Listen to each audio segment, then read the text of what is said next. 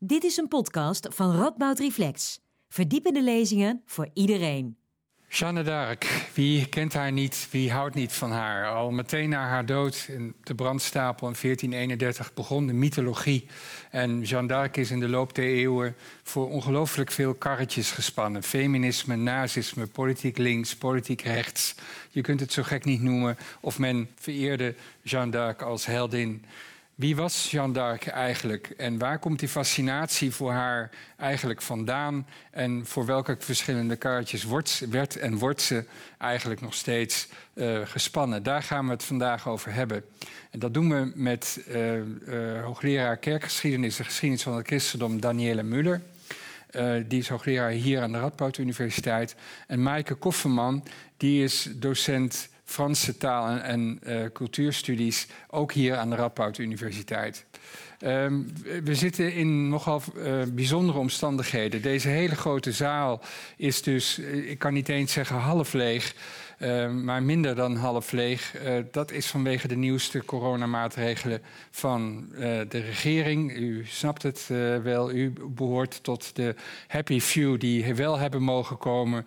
er is een heel stel mensen dat niet heeft mogen komen, omdat dat boven het getal van de 30 uitging. Maar u kunt zich gelukkig prijzen dat u er vanavond bent. Het tweede uh, merkwaardige feit is dat Maaike Kofferman hier niet kan zijn vanwege een coronaverdenking. Die zit thuis, uh, die belt in zometeen via Skype. En we hopen dat dat allemaal goed gaat met, uh, met de techniek. Um, een derde ding dat ik moet zeggen is dat de vragenronde, vragen uit het publiek, u kunt straks uw vragen aan Danielle en Maaike stellen. Um, maar dat kan ook niet uh, live, zullen we maar zeggen, met een microfoon. Dat mag ook niet vanwege corona. Uh, u kunt uw vragen stellen via www.menti.com. Het, staat hier en daar. En u moet dan de code 6598273 intoetsen.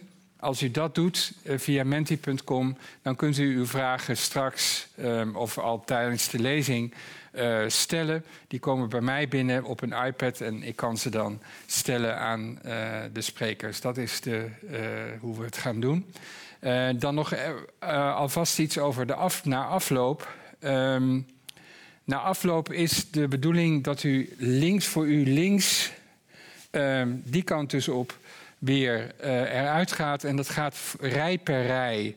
Dus um, u kunt het beste de aanwijzingen van uh, onze medewerkers uh, volgen. Die zullen u uitnodigen om rij per rij uh, links naar buiten te gaan. U kunt de blauwe voetstapjes volgen. Dan komt u vanzelf bij, in dit doolhof dat de Lindenberg heet, komt u vanzelf bij de uitgang. Oké, en um, ik heb me nog vergeten voor te stellen. Mijn naam is Kees Leinhorst um, en ik uh, ben, ben, filosoof hier ook aan de Radboud Universiteit in Nijmegen. Danielle, het woord is aan jou. Dank je, Kees.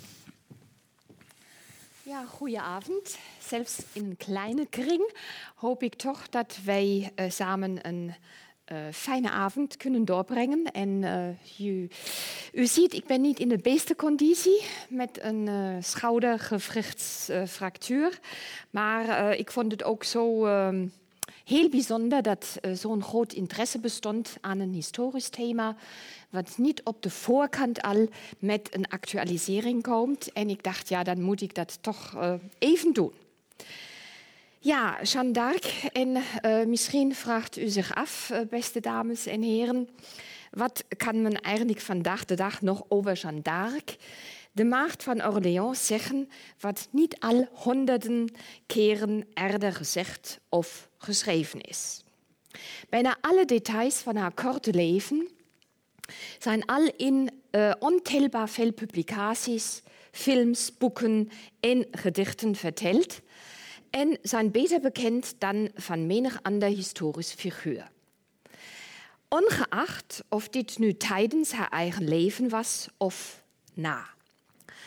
Ze is, in, ze is het onderwerp van meer boeken dan welke andere historische persoon dan ook, inclusief Napoleon, die weliswaar een goede tweede plek inneemt.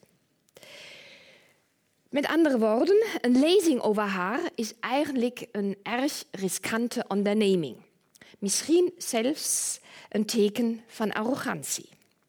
Wat zou ik nu vanavond kunnen vertellen wat jullie nog niet weten en wat ook nog niet op Wikipedia staat? Met de ontwikkeling van de zogenaamde postmoderne methodenwijziging wordt het gewoon om het bestaan, bestaan van bijna alle bekende historische personen in twijfel te trekken. Uh, Jeannes bestaan werd nog niet zo radicaal ontkend, uh, maar bij haar valt een veelvoudige en kleurrijke mythologisering uh, te hebben plaatsgevonden, zodat achter al de mythes de historische persoon bijna verdwijnt. Ik merk nu, ik kan, oké, okay, ja, dan zal ik toch. Ja, beste dames en heren, zo'n opvatting laat aan de ene kant zien dat in de overvloed beschikbare bronnen blijkbaar toch niet goed genoeg gekend worden. En, of dit, en dit is cruciaal, dat de bronnen zo gelezen werden dat de van oorsprong religieuze motieven en thema's enkel als bijzaak van de daadwerkelijke werkzaamheid geïnterpreteerd werden. Snel speelt de beeldvorming of een aan eigen doelen aangepaste perceptie een grotere rol dan het historisch verleden. En dit is dan ook het geval bijvoorbeeld in de meest recente films. Uh, ik heb hier alleen de trailer van uh, 2017 meegebracht, um, waar het over een zeer jeugdachtige u kunt bijna zeggen kindachtige Jeanne d'Arc gaat. En uh, Bruno Dumont heeft dan ook nog een tweede film in 2019 gemaakt, waar we dan ook inderdaad um, Jeanne um, als heldin zien, terwijl dan in 2017 nog de jeugd van Jeanne het thema is geweest. Als we veronderstellen dat dit niet alles bij Jeanne een fictie was. Dan moeten we rekening houden met nog al andere aspecten. Ik wil vandaag daarom graag over de religieuze en theologische aspecten spreken, die zowel het optreden van het jonge meisje als ook haar missie en haar zelfbewustzijn in diepere zin inzichtelijk kunnen maken. In het recente verleden werd het bon ton dat de bronnen zo gelezen werden dat de van oorsprong religieuze motieven enkel als bijzaak dus geïnterpreteerd werden. En ik probeer vanavond een iets andere insteek te nemen. Ik denk namelijk dat uh, echter het zorgvuldige bestuderen van de bronnen kan helpen om tot een wat andere afweging te komen.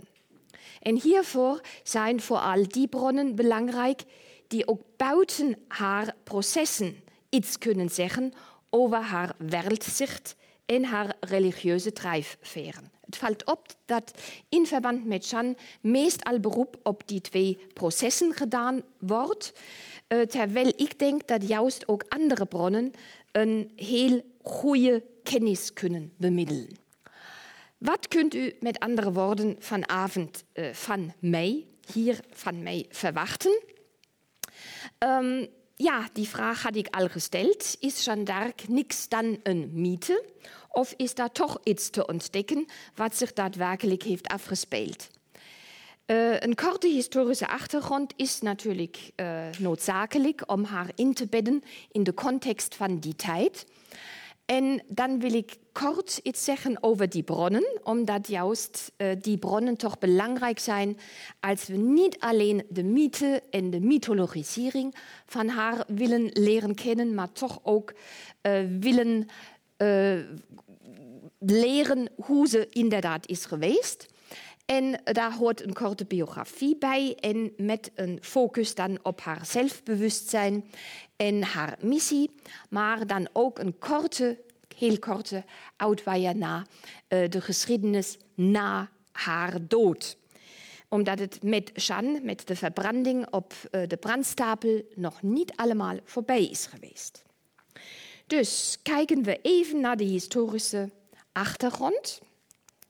En dan zien wij, het begon eigenlijk uh, in de feodale structuren die alles te maken gehad hadden met het huis Plantagenet. Daar heb ik het nu niet meer verder over. Maar Plantagenet, dat is misschien voor jullie bekend bij namen zoals Richard Lionheart uh, of uh, die beroemde Eleanor of Aquitaine.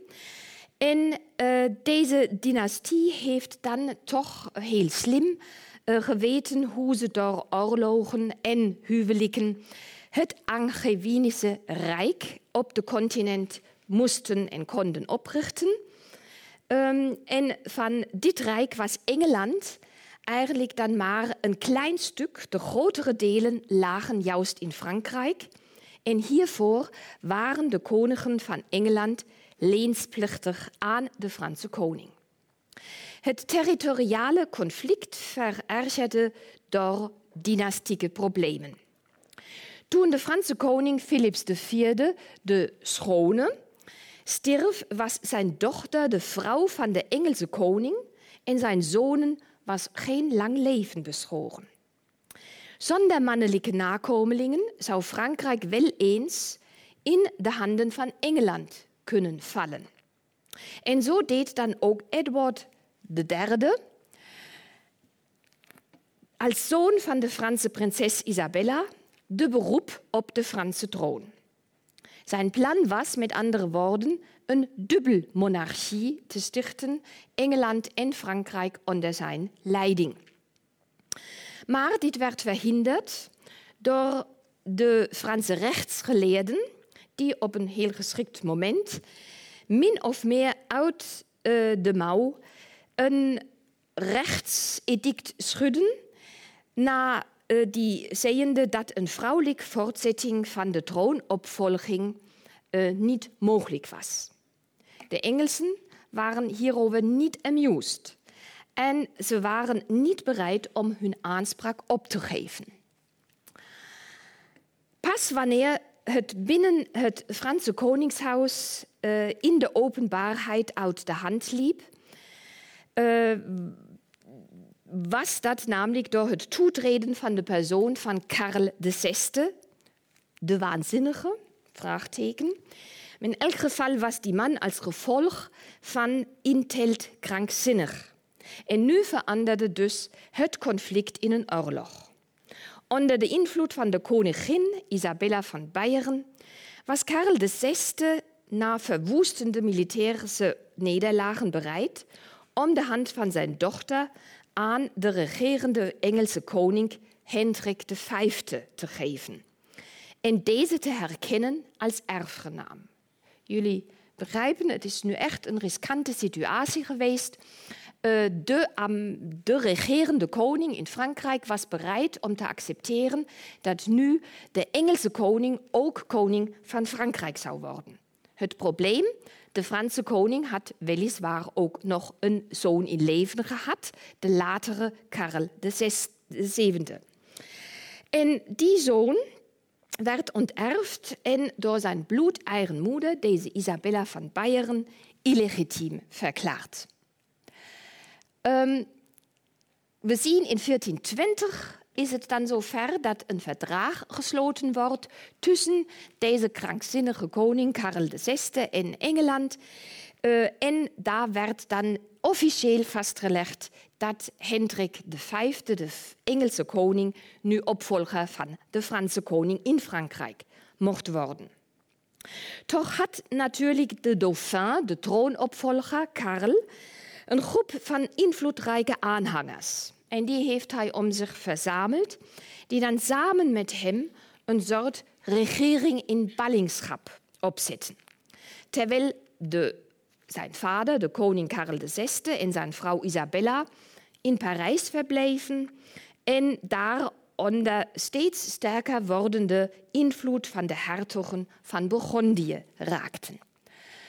Uh, wat dan volgt zijn dan nog belangrijke etappen in deze 100, zogenaamde 100-jarige oorlog. Daar heb ik het nu niet meer zo uitgebreid over. Belangrijk nog uh, om te zeggen, nou ja, in 1429 is dan de grote daad van Jeanne d'Arc, namelijk de beleg van Orléans en Reims.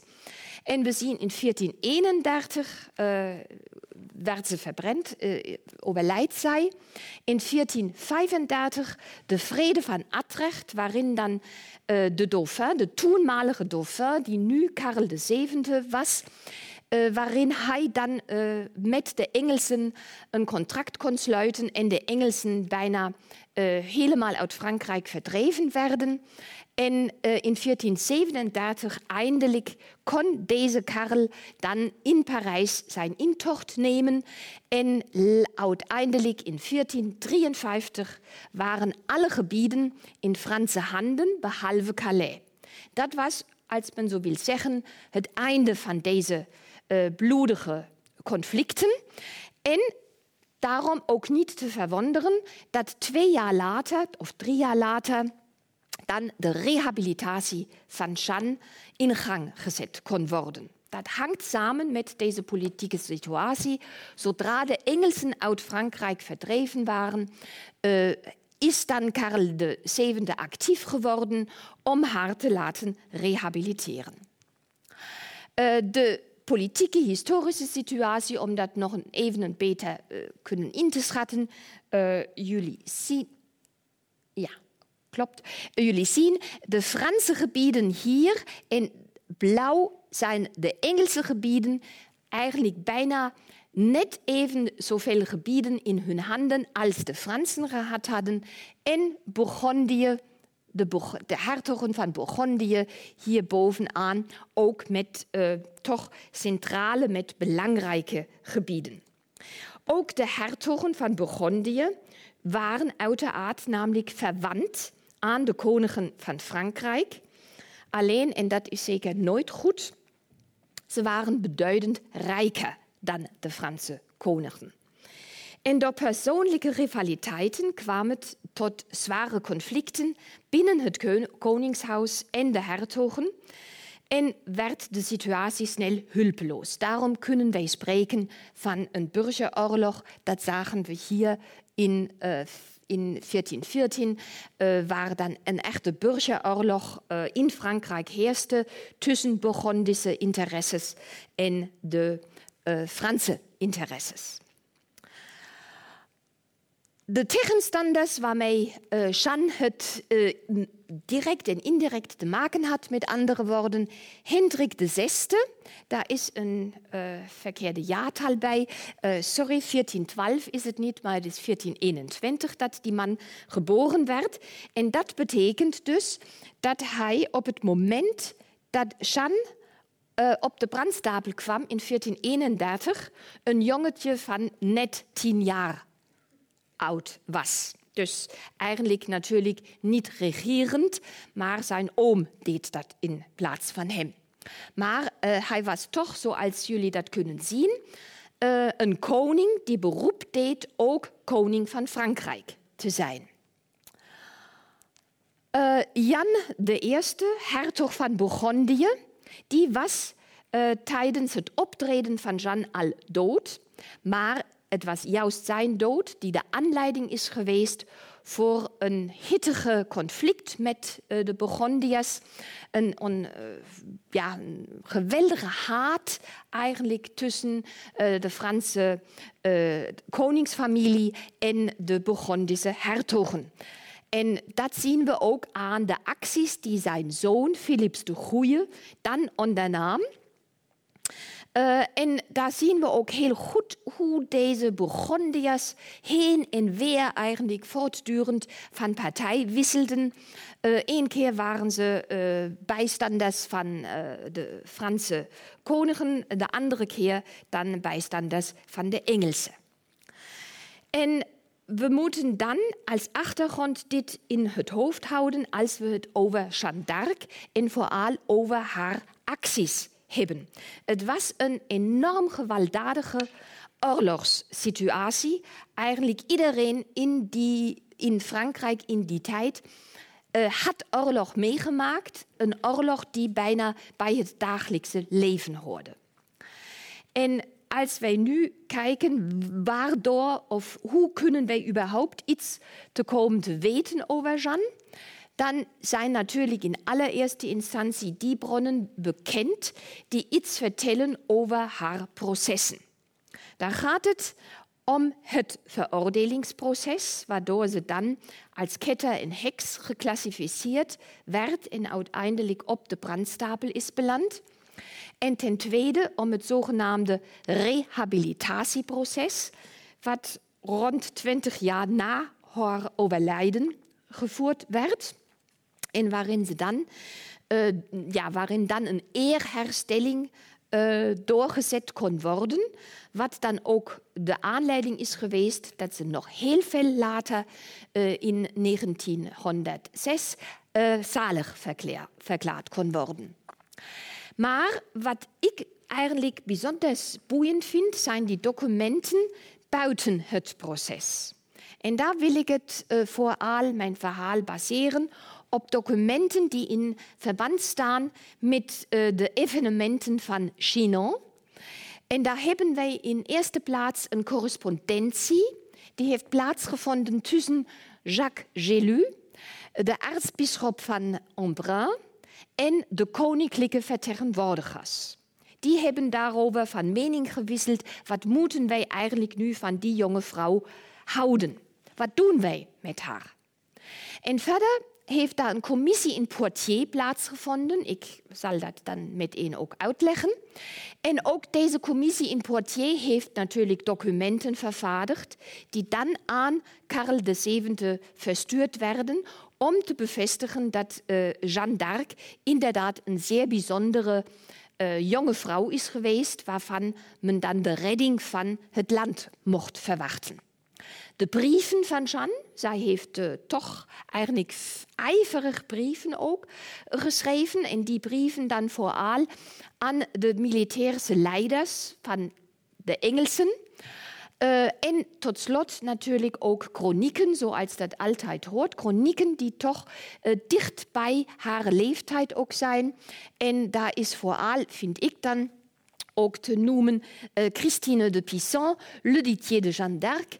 Christine de Pisson, die in feministische kringen toch een grote naam heeft, omdat ze de eerste vrouw is geweest die als auteur van haar boeken kon leven en die dan ook zeer uitgesprokene uh, vrouwenvriendelijke opvattingen gehad had.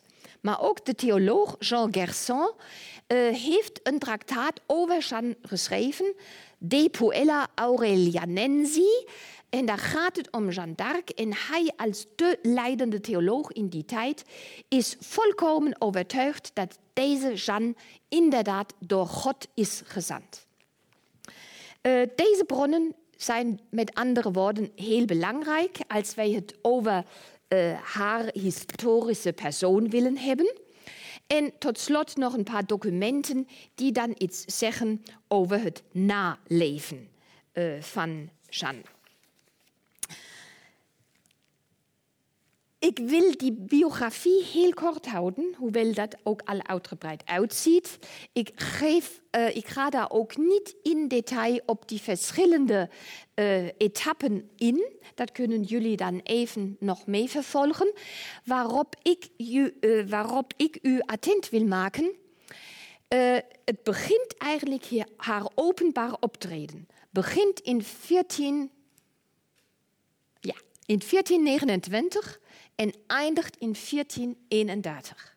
Met andere woorden, het gaat om een periode, een uiterst korte periode van maar drie jaar. En misschien doet drie jaar iets aan, u aan iets denken. Daar kom ik dan ook nog op terug. Wat dan ook een directe lijn naar een theologische idee natuurlijk uh, zou zijn. Uh, we zien dat zij um, begint uh, bij, door de bijstand van Robert de Baudricourt. Uh, Robert de Baudricourt was een militärische leider die eigenlijk een van de weinigen was die nog uh, ondersteuning boden aan de dauphin Karl. En uh, uiteindelijk, dat is denk ik allemaal bekend uit die, uh, veel, uit die films en uit uh, al die bronnen en de boeken die ter beschikking staan. Um, zij werd dan met behulp van die Robert de Baudricourt naar Chinon verbracht, of ze kon daar naartoe rijden. En in Chinon moest ze vragen beantwoorden die haar door een theologencommissie gesteld werden. En daar ging het dan vooral ook om uh, te, uh, ja, uh, te testen. Wat is nu met deze ehm, jonge vrouw? ze wilde de koning ontmoeten, ze wilde de koning zien. En ze werd, voordat ze überhaupt de koning mocht zien, dat is wat tegenvallend met de algemene mythologisering van haar, voordat ze hem mocht zien, werd ze door een commissie van theologen en koninklijke raadgevers ondervraagd. Waardoor ze voor de koning, pas daarna mocht ze dan voor de koning verschijnen. Na het gesprek met Karel, waarin ze een geheim onthult en een teken geeft, um, en dan pas mocht ze ook samen met eh, de hof en met de koning eten.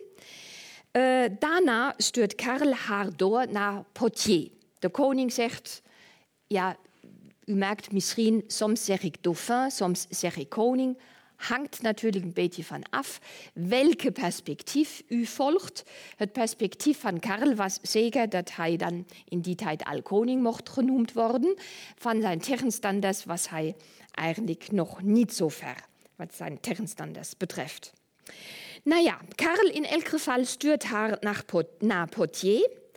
Uh, om haar daar ook door theologen uh, te laten ondervragen. En vrouwen, besonders eervolle vrouwen, waaronder dan ook de schoonmoeder van Karel, uh, beproefden en bevestigden in Poitiers ook haar maagdelijkheid. Dat was dus een letterlijke test van maagdelijkheid die ze dan ook moest ondergaan. En pas nu geeft Karel haar de positie van opperbevelhebber en schenkt haar de benodigde uitrusting. Dat mogen we natuurlijk ook nooit vergeten. Zonder de ondersteuning door Karel had Jeanne d'Arc deze carrière nooit kunnen maken. Als tegenwicht voor de aarzelende koning en zijn commandanten bereidt ze zich doelbewust voor om het door Engelsen omringde Orléans in te nemen. En later, bij de kroning in Reims, staat Jeanne met haar banner naast de koning en haar broer en haar familie werden tot adel verheven. Hiermee, hiermee keert echter ook haar geluk. De inname van Parijs mislukt. Jeanne raakt gewond en tegen haar zin in beveelt de koning om terug te trekken. En hiermee is de verhouding tussen Karl en Jeanne onherstelbaar beschadigd. Daar houdt de loyaliteit op en ook het vertrouwen wat Karl aan haar schonk. En uh, Jeanne uh, werd dan naar een schermutseling bij Compiègne uh, gevangen genomen, eerst aan die Burgondiërs overgeleverd daarna door de Burgondiërs aan de Engelsen verkocht. Maar dat was eigenlijk juist de praktijk in, in deze context van krijgsvoering. Haar proces werd op 21 februari 1431 geopend. De verhoren vinden plaats in kleinere adviesgroepen, uh, maar later dan ook in, de, in haar gevangeniscel. Haar rechters waren uh, bisschop Pierre Cochon en de vice-inquisiteur van Frankrijk. Waarom die twee? De bisschop was eigenlijk toch voldoende, of omgekeerd, de vice-inquisiteur. Maar uh, dat heeft met juridische ähm, ja, finesses te maken. Daardoor konden de strengere vormen van het inquisitieproces aangewend worden, die in tegenstelling tot een proces voor de bisschoppelijke rechtsbank de verdedigingsmogelijkheden van de aangeklaagde behoorlijk beperkten. Terwijl tijdens het voorbereidende proces de verhoren van Jeanne te, de kern vormen, wordt het reguliere proces in toenemende mate gekenmerkt door de bestudering van het dossier. We mogen namelijk niet vergeten dat het inquisitieproces, zoals het vanaf de vroege 13e eeuw gangbaar was, bij het schenden van geloof was dat uh, de manier van doen, dat dit inquisitieproces vooral een schriftelijk gevoerd proces was, waarbij dossierkennis en de expertise van deskundigen een beslissende rol speelden. De experts bij Jeanne waren de theologen van Parijs, dus niet altijd zijn theologen dan um, ja, de beste keuze. Uh, en deze uh, theologen hadden toen natuurlijk een grote aanzien. Dus vergeet u maar alles wat u uit Amerikaanse films weet. Een dramatisch, en ook films over Jeanne d'Arc, dramatische uh, controversies tussen Jeanne en de rechters enzovoort. Um, de, grote, de grootste deel van dit proces werd niet in aanwezigheid van de aangeklaagden, aangeklaagde dus Jeanne gevoerd. De omstandigheden in de gevangenis zijn zwaar. Uh, is met ijzeren kettingen aangeketend en het lawaai van de Engelse bewakers is vaak ondraaglijk. Op 23 mei wordt Jeanne op basis van 12 artikelen als leugenaar door demonen bezeten, aan de werkelijke kerk ongehoorzaam en daarmee duidelijk zichtbaar als een kerkbreukveroorzaker. Ik probeerde die termen, die Latijnse termen, zo nauw mogelijk uh, te vertalen. Als uh, dus een kerkbreukveroorzaker en afvallig um, met uh, onophoudelijk verkeerde overtuigingen, dus als ketter schuldig verklaard. Het oordeel werd op 24 mei uitgesproken. Op die dag van het vonnis moest Jeanne op een verhoging gaan staan, zodat ze van een ver goed te zien was, zodat ze van ver goed te zien was. En ze moest luisteren naar een lezing uit Johannes 15:4. Een rank die niet aan de wijnstok blijft, kan uit zichzelf geen vrucht dragen. Stelt u zich dat maar voor. Ze moest eerst ongeveer een uur, misschien ook wat langer, naar iemand beluisteren die dan zo'n theologische preek hield voordat ze naar de brandstapel getransporteerd werd. Al bij het horen van de eerste woorden van het vonnis heeft ze echter herroepen en ze stemde ermee in om de instructies van de rechter te volgen en ondertekende dit dan ook. Daarna ging ze vrouwenkleding dragen en werd ze teruggebracht naar de gevangenis. Maar jullie weten dat, op 28 mei bezochten de twee rechters, bisschop Pierre Cochon en de vice-inquisiteur, haar in de gevangenis. Waarom? We weten het niet, maar in elk geval, ze konden zich ervan overtuigen dat Jeanne weer mannenkleding droeg. En dit dragen van mannenkleren werd als terugval in haar ketterse overtuigingen gezien. Het tweede vonnis tegen haar als relaps, als terugvallige ketter, werd op 29 mei verklaard en op 30 mei, een dag later in de ochtend, vond de verbranding op het marktplein van Rouen plaats. Op het moment dat Karl, de koning, de handen vrij had en de Engelsen uit Frankrijk verdreven waren, zette hij zich dan in voor de rehabilitatie van Jan. Deze inspanningen lopen tot 1450, maar pas op het verzoek van Jans eigen familie wordt de procedure door de paus geopend, wat onder de bevoegdheid namelijk van de paus viel. In 1456 is dan de rehabilitatie definitief, wat een opluchting was voor de koning, omdat hij dan niet meer door toedoen van een schisma veroorzaken en een ketter en een heks op de troon was gekomen. Ja, deze korte biografie gaat dan natuurlijk nog verder door. Uh, u ziet ook de huidige Roomse kerk heeft een zekere interesse aan Jan. In 2011 dan nog een uitgesprokene waardering uh, door paus Benedictus XVI als lekenmystica. Maar wij vragen ons eerder af hoe het nu met Jan eigenlijk was wat haar zelfbewustzijn betreft. Hier zien, ziet u dan even nog die drie, die drie grote routes, deze naam. En dat is duidelijk dat ze ten eerste uh, via Nou ja, goed. Uh, via Doremi, waar ze geboren werd, is ze eerst via Chinon, waar ze de koning heeft ontmoet, naar Poitiers getrokken om daar antwoord aan de theologencommissie te geven. Dat was, om zo maar te zeggen, het begin. De tweede route van haar was dan een hoogtepunt van haar leven.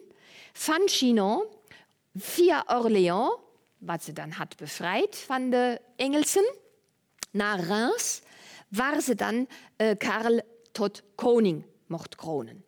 En de laatste route, dat is dan eigenlijk de route die haar val, haar einde uh, representeert, namelijk uh, van Reims naar Parijs, waar de inname van de stad is mislukt, en dan in Compiègne, waar ze gevangen genomen werd.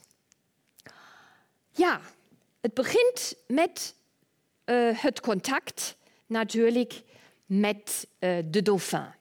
We moeten uh, ons bewust maken, Jeanne gelooft volledig in wat zij daadwerkelijk ziet als haar goddelijke missie. Echter zijn mensen die door God aangewezen zijn om een missie te volbrengen, natuurlijk afhankelijk niet alleen van haar eigen ideeën, maar vooral ook van het geloof dat mensen erin stellen om hen daarin te volgen. Wie het geloof waardig wil maken dat iemand door God gezonden is om een geheime goddelijke missie te vervullen in de wereld, die moet zorgen voor tekenen en voor wonderen. Of voortbouwen op een bijzondere Bijbelvoorspelling. En Jan heeft nu allebei gedaan. Zowel wonderen uh, laten zien, tekenen gegeven, als ook op bijzondere voorspellingen zich gebaseerd. Het teken dat ze aan de dauphin toont, namelijk de openbaring van zijn koninklijke bloed. De bevestiging met andere woorden dat hij inderdaad de legitiem geborene zoon van de Franse koning is geweest. In tegenstelling tot dit wat zijn eigen moeder had beweerd. We zien, zo zegt ze, volgens de commissie in China, edele dauphin, ik heet Jeanne La Pucelle. Uh, en de hemel stuurt u via mij de boodschap dat u gezegend en gekroond zal worden in de stad Reims. Ik vertel u namens de Heer dat u de ware erfgenaam van Frankrijk en de zoon van de koning bent. Dat ziet u, de zoon van de koning bent. En hij zendt me naar u om u naar Reims te begeleiden. De eerste ontmoeting met de koning, waarin ze zo uitgesproken uh, zich opstelt en duidelijke woorden aan de dauphin laat horen. Dus dat is duidelijk dat hier een teken door haar gegeven werd, waarmee ze dan haar goddelijke missie wilde onderbouwen. Ja? Uh, ik zorg ervoor dat u gekroond wordt en ik weet, ik mag dat door de hemel bevestigen, u bent de legitieme koning. Uh, wat doet ze nog? Uh, het wonder natuurlijk van de bevrijding van Orléans en de kroning in Reims. Uh, dat ze daarin geslaagd is, dat was eigenlijk het bewijs voor haar goddelijke missie. Iemand die dat heeft voorspeld en die dat dan ook daadwerkelijk heeft gedaan. Nou ja, dat is de bewijs die men nodig had om te kunnen zeggen, zij is inderdaad door God gezonden. En de laatste grote punt waarop ze heel slim ook heeft ingezet, namelijk de verwijzing naar de, profeet, naar de profetie die onder het volk circuleerde, namelijk dat Frankrijk door een vrouw ten gronde ging en ook door een vrouw weer gered zal worden. En daar is heel duidelijk, iedereen heeft dat heel goed kunnen begrijpen, die vrouw die Frankrijk uh, ja, ten gronde liet gaan, dat was natuurlijk die uh, kwade koninginmoeder Isabel van, Bay van Bayern. En die vrouw die Frankrijk zal redden, dat was dan Jeanne d'Arc. En hierdoor uh, door vrij slim en strategisch met uh, deze uh, verschillende strategieën te werken. Daardoor wint ze vooral bij Karl natuurlijk aan de nodige autoriteit, waardoor ze als profeet dan ook mocht en kon optreden. Vanaf begin spreekt ze over zichzelf, dat zien we duidelijk. Vanaf begin spreekt ze over zichzelf als La Pucelle. La Pucelle, afgeleid uit het Latijnse puella, meisje, heeft onder menig geleerden al aanleiding gegeven tot een filologische discussie. Moeten we Pucelle op een neutrale manier interpreteren als zijnde een jong meisje, of wordt het eigentijdse aspect van maagdelijkheid hiermee bedoeld? Dat is natuurlijk filologisch gezien de vraag. Historisch gezien, denk ik, is dat niet een echte vraag. Wat Jeanne betreft is de beslissing niet zo moeilijk. Ze had zonder, uh, ze had zonder, uh, zonder anders had ze haar zelfgekozen bijnaam geassocieerd met haar uitgesproken keuze voor maagdelijkheid. Daar ziet u hier ook weer wat ze zegt, wat ze zei in de brief aan de Engelsen, door haar dan uh, ja, tenminste gedicteerd en gedeeltelijk waarschijnlijk ook geschreven. Ik ben door God hierheen gezonden, de koning der hemel, om jullie uit heel Frankrijk te verdrijven. Geef je over aan de maagd die door God hierheen gezonden is. Daar zegt ze duidelijk maagd en niet puzel. Jullie mannen van Engeland, die geen zinsrecht hebben in dit koninkrijk van Frankrijk. De hemelkoning schrijft jullie voor en gebiedt jullie middels mij, Jeanne La Pucelle, jullie vestigingen te verlaten en je terug te trekken naar jullie eigen grondgebied. Anders zal ik voor jullie zo'n hahu veroorzaken dat daaraan een eeuwig aandenken aan overblijft. En dat schrijf ik Daarom zei ik, ze schreef die brief. En dat schrijf ik jullie een derde en laatste keer. Ik zal het niet nog eens schrijven, Jezus Maria, Jeanne de la Pucelle. We zien duidelijk dat Jeanne eigenlijk de titel Pucelle voor zichzelf heel stevig koppelt aan de maagdelijkheid. Uh, en natuurlijk is uh, dan vooral deze term um, een centraal element in haar verhaal. Jeanne ontleende uiteindelijk haar religieuze legitimering aan haar maagdelijkheid en het werd de titel die ze zichzelf vol overgave toeschreef. En daarmee was natuurlijk ook de bevestiging van haar maagdelijkheid in de commissie van Poitiers zo een belangrijke stap, ook voor de koning, om haar vertrouwen te schenken. En de tweede titel die ze vaker gebruikte, hoewel ze daarover pas tijdens het proces sprak, was de titel Fille de Dieu, de dochter van God, die natuurlijk niet minder explosief is geweest dan die titel van de maagd. In combinatie worden beide titels gebruikt als bewijs van haar unieke relatie met God en haar specifieke passie voor haar missie. De kerk interpreteert dit echter als ongepaste hoogmoed. Fille de Dieu, dochter van God, dat laat toch heel erg denken aan zoon van God. De titel dus verwijst op een indirecte manier toch naar Christus. En deze analogie met Christus komt in haar korte leven toch vaker voor. Het meest opvallende uh, dat zijn, uh, zijn aspecten die te maken hebben met het passieverhaal.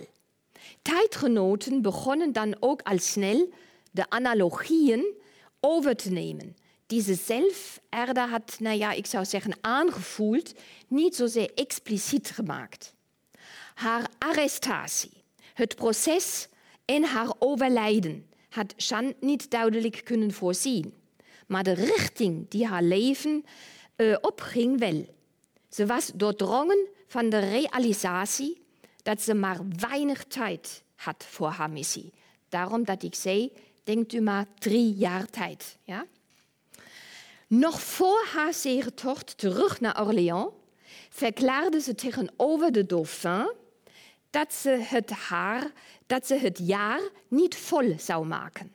En dat ze daarom niet veel tijd meer had om haar opdracht te volbrengen. Van haar specifieke opdrachten zien we ten eerste bevrijding van Orléans, ten tweede koningskroning uh, in Reims, ten derde bevrijding van Parijs, bevrijding van Karel van Anjou, de koninklijke neef uit de Engelse gevangenschap, dan verdrijving van de Engelsen uiteindelijk uit Frankrijk en tenslotte nog de mooiste daad waar ze wat geheimzinnig over sprak. En er zijn goede aanwijzingen dat ze hiermee bedoelde een gezamenlijke kruistocht van de Fransen en de Engelsen uh, naar, uh, naar het Heilige Land om daar de moslims uit te drijven. En we zien dat ze van deze zes opdrachten, waarover ze voortdurend sprak, uh, per slot van rekening alleen maar twee had kunnen volbrengen, namelijk bevrijding van Orléans en de kroning uh, van Karel in, uh, in Reims. Dat maakt het nu ook ingewikkeld, omdat we zien op het moment dat Parijs mislukte, was ze de legitimiteit van een profeet bijna kwijt. Ja, hoe kon dat? Ik geloof in een profeet, in een vrouwelijke profeet.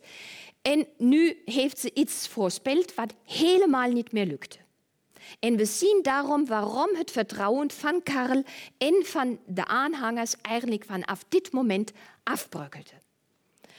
En wat we dan wel natuurlijk nog kunnen zien, dat ze behalve deze twee titels ook blijkbaar doordrongen was van een nauwe band tussen uh, met de Heilige Geest en de engelen. Een aantal van haar voorstellingen zijn geworteld in de wereld van de engelen. Uit verschillende uitspraken komt naar voren dat ze zich nauw verwant voelde met deze engelen en zichzelf beschreef als één van hen. Dit zou ook de betekenis van de mannenkleding plausibel maken. We zien hier um, een tekstfragment uh, uit de pen van die algenoemde beroemde theoloog Jean Gerson. En het probleem waarover hij het hier had, was onderscheiding der geesten. Wat betekende dat? Hoe kan ik controleren of iemand die zegt dat hij of zij door God is gezonden, ook echt door God afkomt, doorgezonden is of niet toch eerder door de duivel.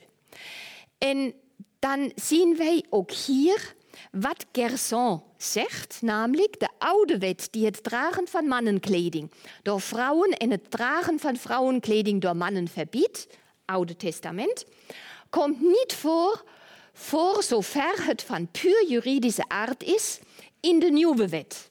Hij zegt, in, dat is niet meer van toepassing in het Nieuwe Testament. Zo'n wet veroordeelt niet het gebruik van mannen en oorlogskleding door mannelijke en oorlogvoerende meisjes, die de hemelkönig als vandeldraagster gekozen heeft, om de vijand te vernietigen, zodat hij middels de hand van een vrouw die jong en macht is, het sterke wapen van kwaadaardigheid kan vernietigen, etc. Daar zien jullie zo'n traktaat was bekend voordat Jeanne eigenlijk optrad. En dat geeft toch een sterke impuls om aan te nemen dat ze ja, van deze tijdsgeest natuurlijk ook ingenomen was. En zij heeft dat op zich overgedragen. Daarom was de mannenkleding voor haar zo belangrijk. Dat was niet uit puur pragmatische overwegingen, zoals vaak gesteld werd. We zien dat namelijk dat voor Jeanne het dragen van mannenkleding deel uitmaakte van haar zelfbewustzijn. En daarom was het haar ook niet meer mogelijk uh, na haar herroeping uh, toch gewoon met vrouwenkleren, met vrouwenkleding uh, verder door te gaan. Ja, ze werkte met andere woorden als een in die dragen van mannenkleding, we kunnen dat ook hier herkennen. Wie was natuurlijk degene die dan uh, mannenkleding uh, op, al die, uh, op al die plaatjes droeg? Dat waren de engelen. Engelen die werden mannelijk uh, voorgesteld. En één vooral was natuurlijk de grote oorlog voerde onder de engelen, namelijk Michael. En Michael was een van haar stemmen die ze hoorde. We zien de verbindingen tussen, uh, in haar waarneming tussen haar en de engelen, die waren inderdaad tamelijk sterk. Ze werkte met andere woorden als een engelachtige profetes. En dit kwam het meest opvallend naar voren in haar contact met de dauphin. Zo voorspelde zijn, ze voorspelde zijn kroning en zijn heerschappij in Parijs. En ze had daarnaast erop gewezen dat haar um, helder weten van een hogere wereld kwam. Dat, had, dat hadden jullie natuurlijk al vaker gezien. Ze bevestigde dat hij de ware koning was en ook de Engelsen wezen telkens op haar voorkennis heen. Wat deze Engelsen beangstigde, dat moeten we zonder meer zo zeggen, wanneer ze, eenvoudige, wanneer ze eenvoudige soldaten waren, of het maakte ze boos wanneer het om de Engelsen leiders ging. Ze konden het profetische zelfvertrouwen van Jeanne in ieder geval niet goed begrijpen. Um, Vita Sequil West, een grote naam ook in de literatuurgeschiedenis, aan wie we een verrassend positieve biografie van Jeanne vanuit een Engels perspectief te danken hebben, stelt terecht vast wanneer ze de reactie van de legeraanvoerder op Jeanne's brieven beschrijft. Solid English sense could say nothing but rubbish. Dat was volgens Sackville West de reactie van de Engelsen op zo'n brief die ze van Jeanne hadden gekregen. Jeanne is hoe dan ook, denk ik, niet te doorgronden zonder de religieuze context. En, maar wellicht is het zelfs met deze religieuze context niet helemaal te doorgronden. De sporen die ze heeft achtergelaten reiken verder dan het meisje uit Lotharingen zich ooit had kunnen voorstellen. Jeanne's uniekheid wordt onderstreept wanneer we een blik werpen op haar directe leven na haar dood. En daar zien wij namelijk dat al tijdens haar eigen leeftijd vrouwen zijn opgetreden die ook aanspraak deden op een profetische rol.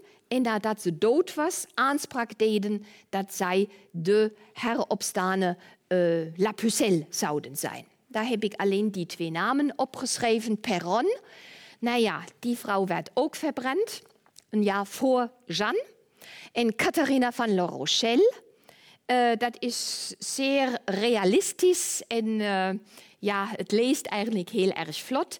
Wat we daar kunnen uh, leren, hoe Jeanne deze Katharina tegenover zich heeft gesteld. Namelijk, Jeanne heeft die vrouw vermaand terug te gaan naar man en kinderen. Daar, zien, daar ziet u ook meteen een verschil. Die Katharina had namelijk familie gehad, een gezin gehad. Ze was geen maagd. Uh, na haar dood in 1431 zijn dan meerdere valse chans uh, opgetreden. De bekendste is dan Claude d'Armoise en Jeanne de Zermese. En uh, jullie kunnen dan zien wat ik dan bij die twee vrouwen nog even als kanttekening bij heb gezet. In elk geval, er zijn vrij merkwaardige dingen. zelfs de broer van Jeanne herkent een van, uh, van, van, van die twee vrouwen, namelijk uh, Jeanne d'Armoise, als authentiek, als zijn eigen zus aan. We hebben daar eigenlijk niet een echte verklaring voor. En ook haar wapengenoot, compagnon de guerre, uh, Gilles de Rais, uh, zegt dat is Jeanne, inderdaad. Uh, ze hebben Jeanne niet verbrand, maar uh, ze kon ontvluchten van de brandstapel en inderdaad, ze leeft verder. Nou ja, we weten dat dat natuurlijk uh, ja, wishing thinking was en uh, niet op de realiteit berustte. En wat uh, tot slot toch ook nog duidelijk laat herkennen, daar heeft in 1437, dat zijn zo circa vijf, zes jaar na haar dood, Johannes Nieder een boek geschreven wat eigenlijk het begin van de heksenvervolging kenmerkt. De formicarius, de mierenhoop. En daar heeft Johannes Nieder het over twee verschillende Jans. Op de ene uh, linkerhand uh, heeft hij het over een meisje in Keulen, niet zo ver van hier. Um, een zekere maagd in de buurt die altijd in mannenkleding rondliep wapens droeg en als edelvrouw ongepaste gewaden droeg. Ze danste met mannen en was zo op eten en drinken gericht dat ze de grenzen van haar geslacht scheen te overschrijden, etcetera, etcetera. Nou ja, en dan komt nog een belangrijk stuk. Um, ze heeft beweerd uh, wonderen te verrichten. En nu zegt die uh, auteur wonderen die op magie leken. En ze werd uiteindelijk door de hierboven genoemde inquisiteur geciteerd. En nou ja, wat was zo'n typisch wonder van Dijon? Uh, een servet in stukken hebben gescheurd en deze plotseling voor de ogen van het volk wil weer heel gemaakt hebben een glas tegen de muur gegooid en in stukken gebroken en plotsklaps hersteld, enzovoorts, enzovoorts. Nou ja, dan was het einde van het verhaal. Um, toen ze verleiden een bepaalde priester uh, deze heks met liefdesgedichten. En zo ging ze dan uiteindelijk met hem vandoor. En ze ging naar Metz, waar ze als concubine met hem samenleefde, etc. etc. Daar tegenover staat nu het verhaal volgens uh, van de ware Jan. Ook zij altijd mannenkleding. En, zij, en hij geeft duidelijk aan wat haar zelfbewustzijn is geweest. Ja? Hij heeft goede informatiebronnen gehad.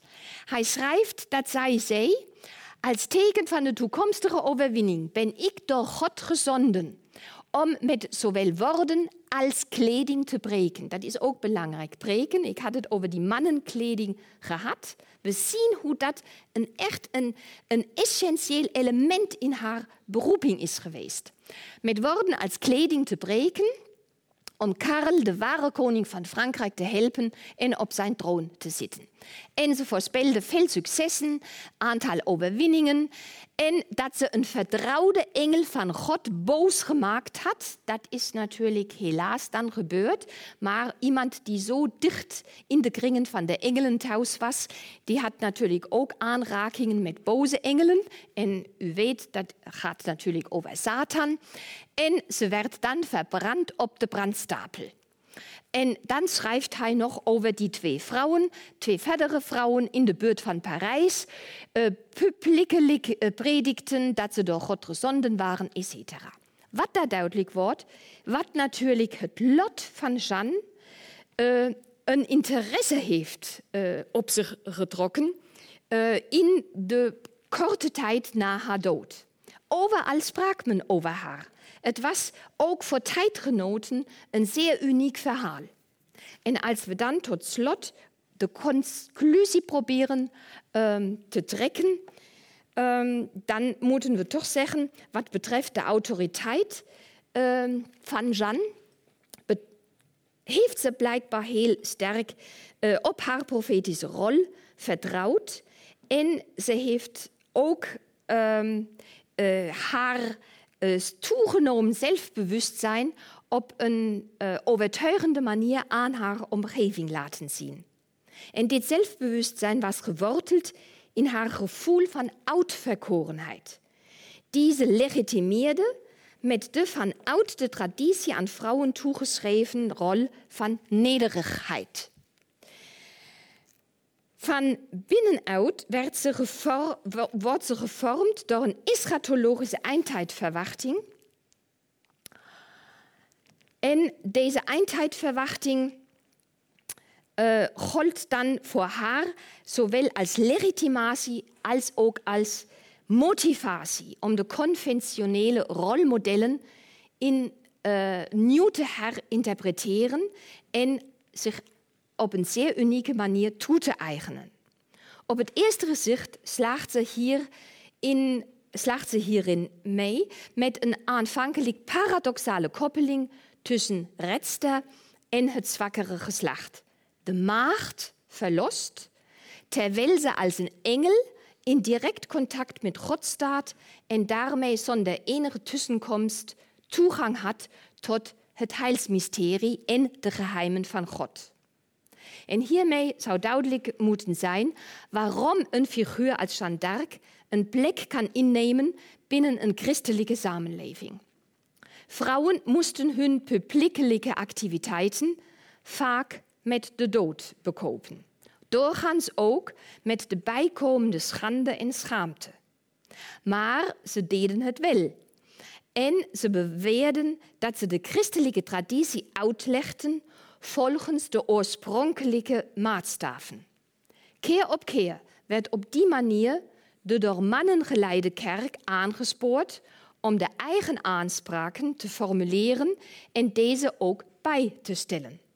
Het beeld van de maagd en vrouwelijke, vrouwelijke krijger was een christelijk geïnterpreteerd beeld dat de oorspronkelijke uiting van, uh, van vrouwelijke maagdelijkheid in verband bracht met de mannelijke expressie van de vechtlustige houding van de engel. Het is daarom ook niet nodig, zoals de antropologe Margaret Murray heeft gedaan, om Jeanne te zien als lid van een oeroude heksengroep en daarmee indirect de juistheid natuurlijk van haar veroordeling te bekrachtigen. We vinden in de bronnen zeker enkele verwijzingen en wat details die direct op magische religieuze voorstellingen wijzen. Maar magie en religie zijn allereerst voor theologen elkaar tegensprekende verklaringen. En dat zijn ze alleen voor theologen tegensprekend. Daarom speelde het onderscheid tussen de geesten, waarover de toenertijd prominente Jean Gerson uh, het traktaat heeft geschreven, zo'n grote rol. Ook bij de beoordeling van Jeanne. Wonderen zoals de verwekking van een gestorven kind bij Jeanne worden binnen het eigen systeem altijd als wonder gezien. Worden ze door iemand buiten het systeem verricht, dan worden ze geïnterpreteerd als magie. En Jeanne werd door haar veroordeling in eerste instantie buiten het systeem van de katholieke kerk geplaatst. En zo konden haar daden door de rechter als hekserij worden afgedaan. Over deze kwalificatie van Jeanne als heks zou men daar natuurlijk nog weer een hele lezing kunnen uh, doen. Dat is vanavond natuurlijk niet van toepassing uh, geweest. En in elk geval zijn het natuurlijk ook de magische aspecten een thema wat nog meer aandacht zou kunnen trekken.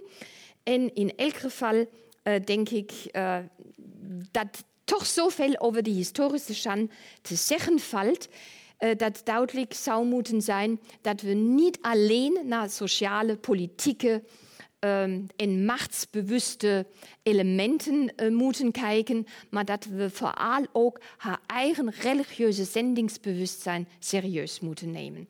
En er blijft nog heel veel te ontdekken wat Jeanne betreft. En natuurlijk ook qua film en literatuur. En ik hoop dat uh, u hiermee dan ook verder aan de slag wilt gaan om nog wat verdiepende aspecten voor uzelf uit te zoeken. Bedankt voor uh, de geduld en de attentie. Ga zitten, dankjewel. Dankjewel, uh, Daniela. Uh, we gaan nu, als het goed is, overschakelen uh, naar Maaike, naar de huiskamer van Maaike. Of haar keuken, ik weet het niet waar ze zit. Dag Maaike. Mijn studeerkamer. Je studeerkamer, oké, okay, ook goed. um, Jij hebt nog een, uh, een korte aanvulling op uh, deze uh, lezing. Jij bent vooral geïnteresseerd in de relatie tussen Frankrijk en Nederland en de huidige culturele relaties.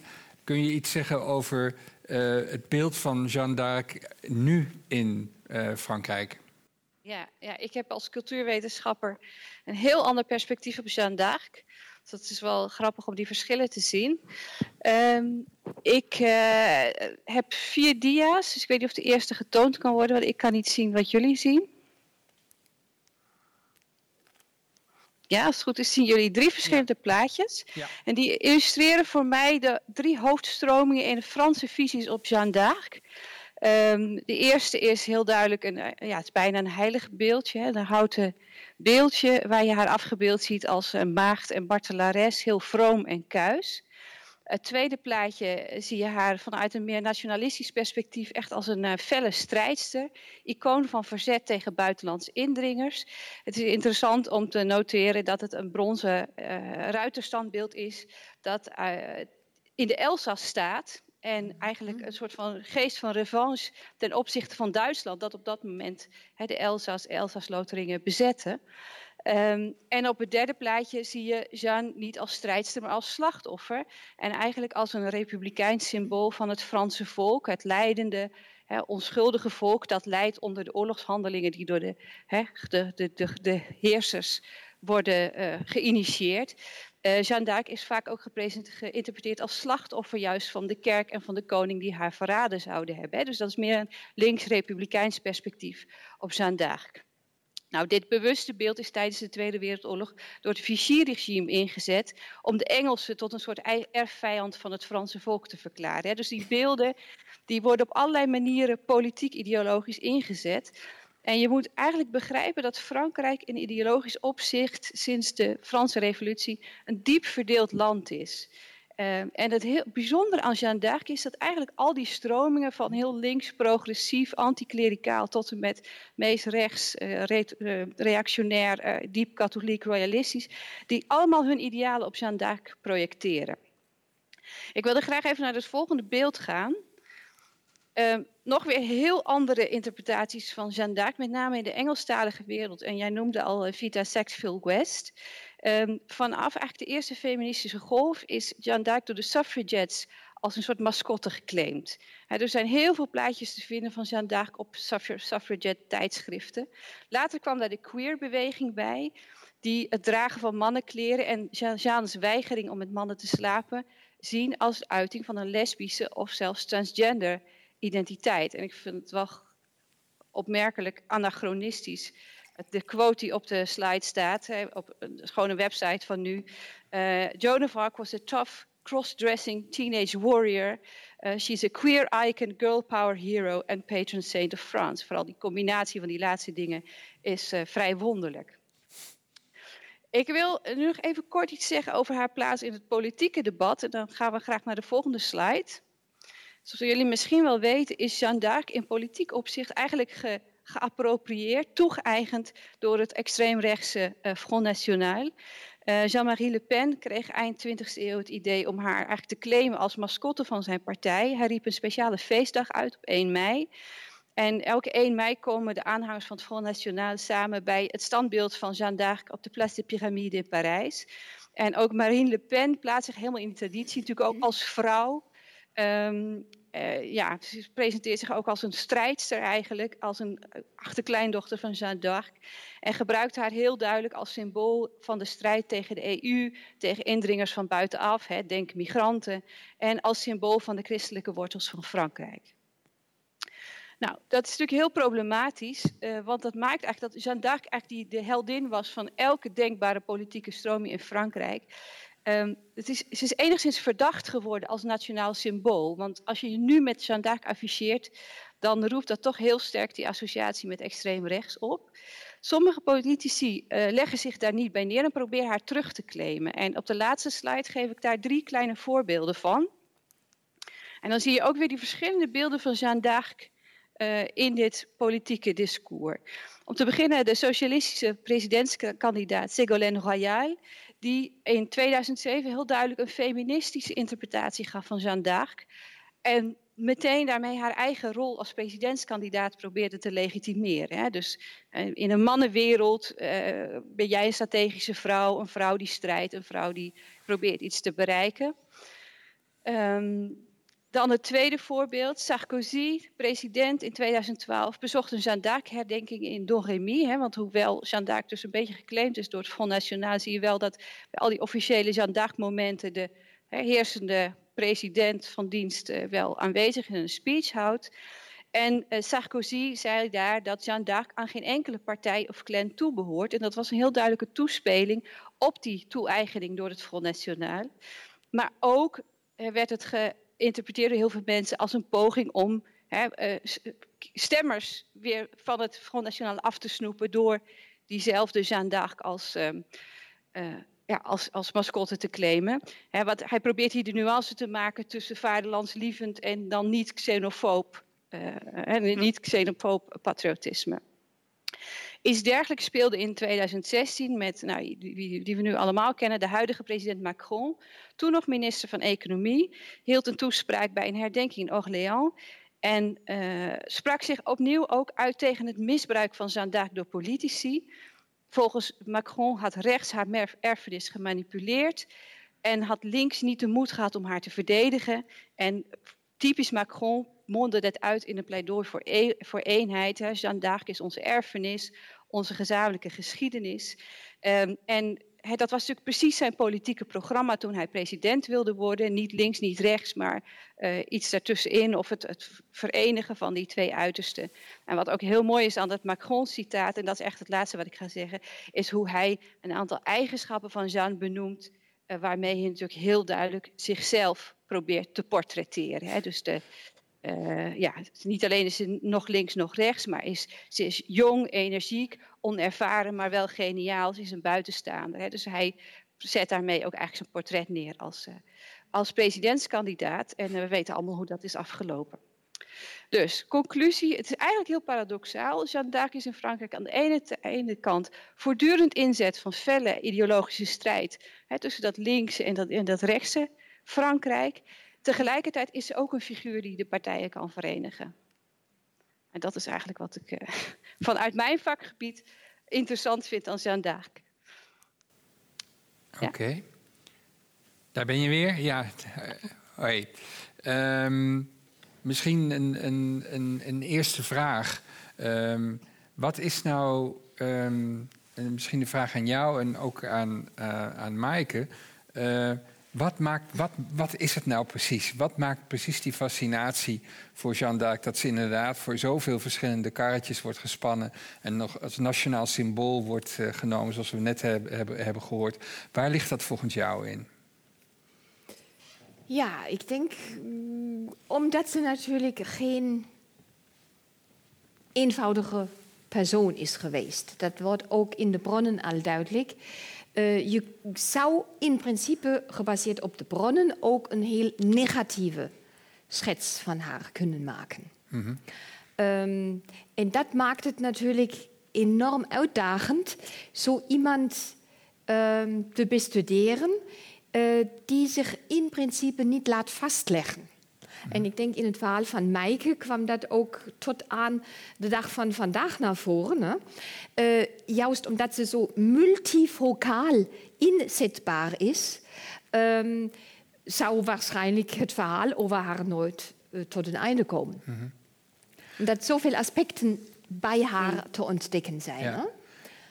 Ik denk, ze was zeker niet een mens die alleen maar uh, ja, dat was haar wezen. Zoiets zou je nooit kunnen zeggen nee. over haar. Nee.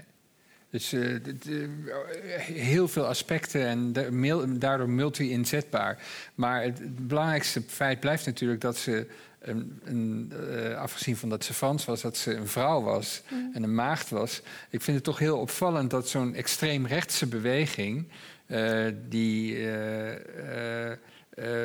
zo'n zo'n vrouw als, uh, als, haar, als, als patroon en als uh, leidster, zeg maar, kiest. Is dat, zitten daar geen, geen spanningen tussen, Maaike? Nou ja, ze hebben natuurlijk een, een, vrouwelijke partijleider tegenwoordig. Dus ik denk dat ze dat punt al lang achter zich gelaten hebben. Mm -hmm. um, ze flirten natuurlijk ook wel heel erg met, met conservatief-katholiek Frankrijk. En dat hele idee van de maagd, dan denk je natuurlijk ook aan... Dat is natuurlijk een, een oer-katholiek beeld van de maagd Maria. Dus um, het, het, het verheerlijken van een bepaald type vrouw... Uh, dat en heel maagdelijk en puur en vroom is en heel bijzondere dingen, tot heel bijzondere dingen in staat is. Dat staat natuurlijk in die traditie. En, en nog even terug te komen op de vraag die jij net stelde. Volgens mij zijn we gefascineerd door zijn dak, omdat het zo'n ongelooflijk verhaal is. Uh, hè, dat zo'n jong meisje met zo'n missie bij de koning komt, serieus genomen wordt. En daadwerkelijk, nou ja, we weten ja. niet in hoeverre ze het leger daadwerkelijk heeft aangevoerd in militair opzicht. Maar het is natuurlijk een ongelooflijke zegentocht met een heel dramatische afloop. Ik bedoel, Disney had het niet, niet beter kunnen verzinnen. Uh, dat, dat is, volgens mij is daar waar de kern van de fascinatie zit.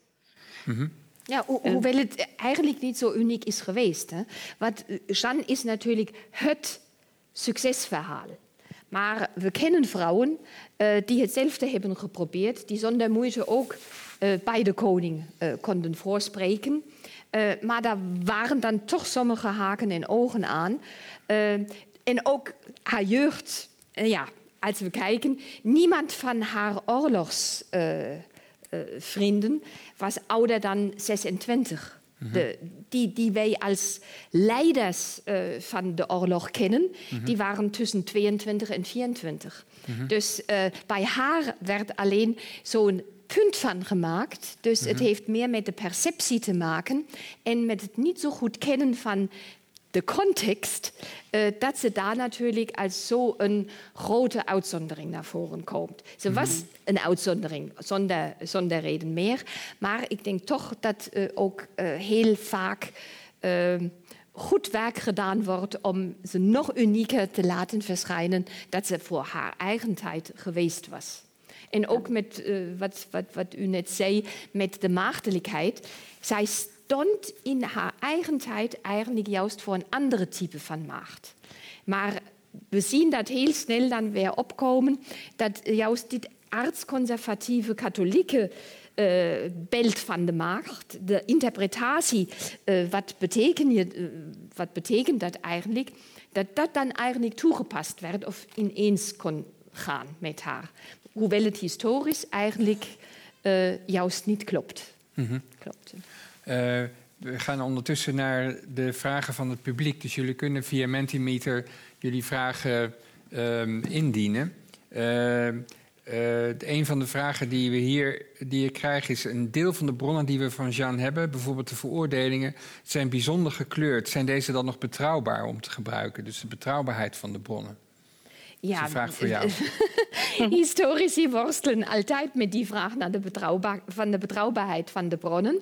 En inderdaad uh, moet heel voorzichtig naar uh, verslagen uit processen, uit inquisitieprocessen gekeken uh, worden. Maar we mogen alleen op grond het feit dat ze gekleurd zijn, uh, niet van begin af aan uitsluiten dat heel veel uh, belangrijke informatie in die bronnen vinden is. Wat doet een historicus? Een vergelijking maken tussen dit wat in die bronnen die gekleurd zijn staat en dan die andere bronnen die er ook nog zijn, erbij betrekken en proberen daar tot een afweging te komen. Wat is nu overeenkomend en waar zijn diametrale verschillen? En op die wijze vormt een, vormen historici dan hun oordeel. Dus het klopt dat ze gekleurd zijn, die bronnen, maar als we weten hoe ze gekleurd zijn, door wie ze gekleurd zijn en met welke intentie ze gekleurd zijn, hebben we eigenlijk al heel veel werk verricht om dan de rest wat betrouwbaar lijkt ook goed te kunnen destilleren uit die, uh, ook uit die uh, uh, procesverslagen. Oké, okay. blijf je vragen stellen. Ehm, ik heb nog een vraag. Ehm, wat vond de paus van de terechtstelling in 1431, aangezien hij in 15, 1455 mee wilde werken aan een rehabilitatieproces? Dus is die, is die terechtstelling is dat, her, is dat herroepen? Is, is ja. Dat... Het, ja, de terechtstelling. Het oordeel is herroepen. Het oordeel is herroepen, ja. Uh, wat wil zeggen, natuurlijk, zij is in de eer hersteld. Mm -hmm. En dat is ook vrij uniek, dat Pierre Cochon, uh, de verantwoordelijke rechter, een van die uh, drijvende krachten eigenlijk voor het, van het proces, die werd geëxcommuniceerd. Okay. Die werd uit de kerk uitgesloten en dat is toch een duidelijke uitspraak geweest. Um, ook hier, nou ja, er is zo'n rijke context ook aan dit verhaal. Uh, als zo'n vraag komt, uh, zouden wij natuurlijk nog wat uitvoeriger over die situatie van de pauzen in die tijd moeten spreken. Mm -hmm. uh, dat kunnen wij vanavond niet allemaal doen, maar ik roep even in herinnering. Uh, het kerkelijke schisma is natuurlijk in die tijd gaande geweest. En uh, daar kunnen wij dan ook uit afleiden waarom zo verschillende opvattingen uh, binnen 20 jaar zich hebben voorgedaan. En um, dat, um, we weten dat die, die paus Calixtus III eigenlijk zolang die leefde um, zich verzet heeft tegen een rehabilitatieproces. Uh, omdat, dat had ik net aangeduid, op het moment dat de Engelsen uit Frankrijk verdreven waren, uh, is uh, Karel al begonnen met pogingen tot zo'n rehabilitatie. Maar pas nadat dan een nieuwe paus op de troon zat, was dat dan mogelijk. Okay. En dat had te maken met die kerkpolitieke okay. situatie. Maar die is een beetje te ingewikkeld om om nu nog wat verder uit te. te ja, te dan, dan, gaat het om de pauzen in Avignon, ja, om de pauzen in Rome, in Rome, waar daar de loyaliteiten ja. en de, ja. Uh, ja, De, de, de, het vertrouwen aan zat. Hè?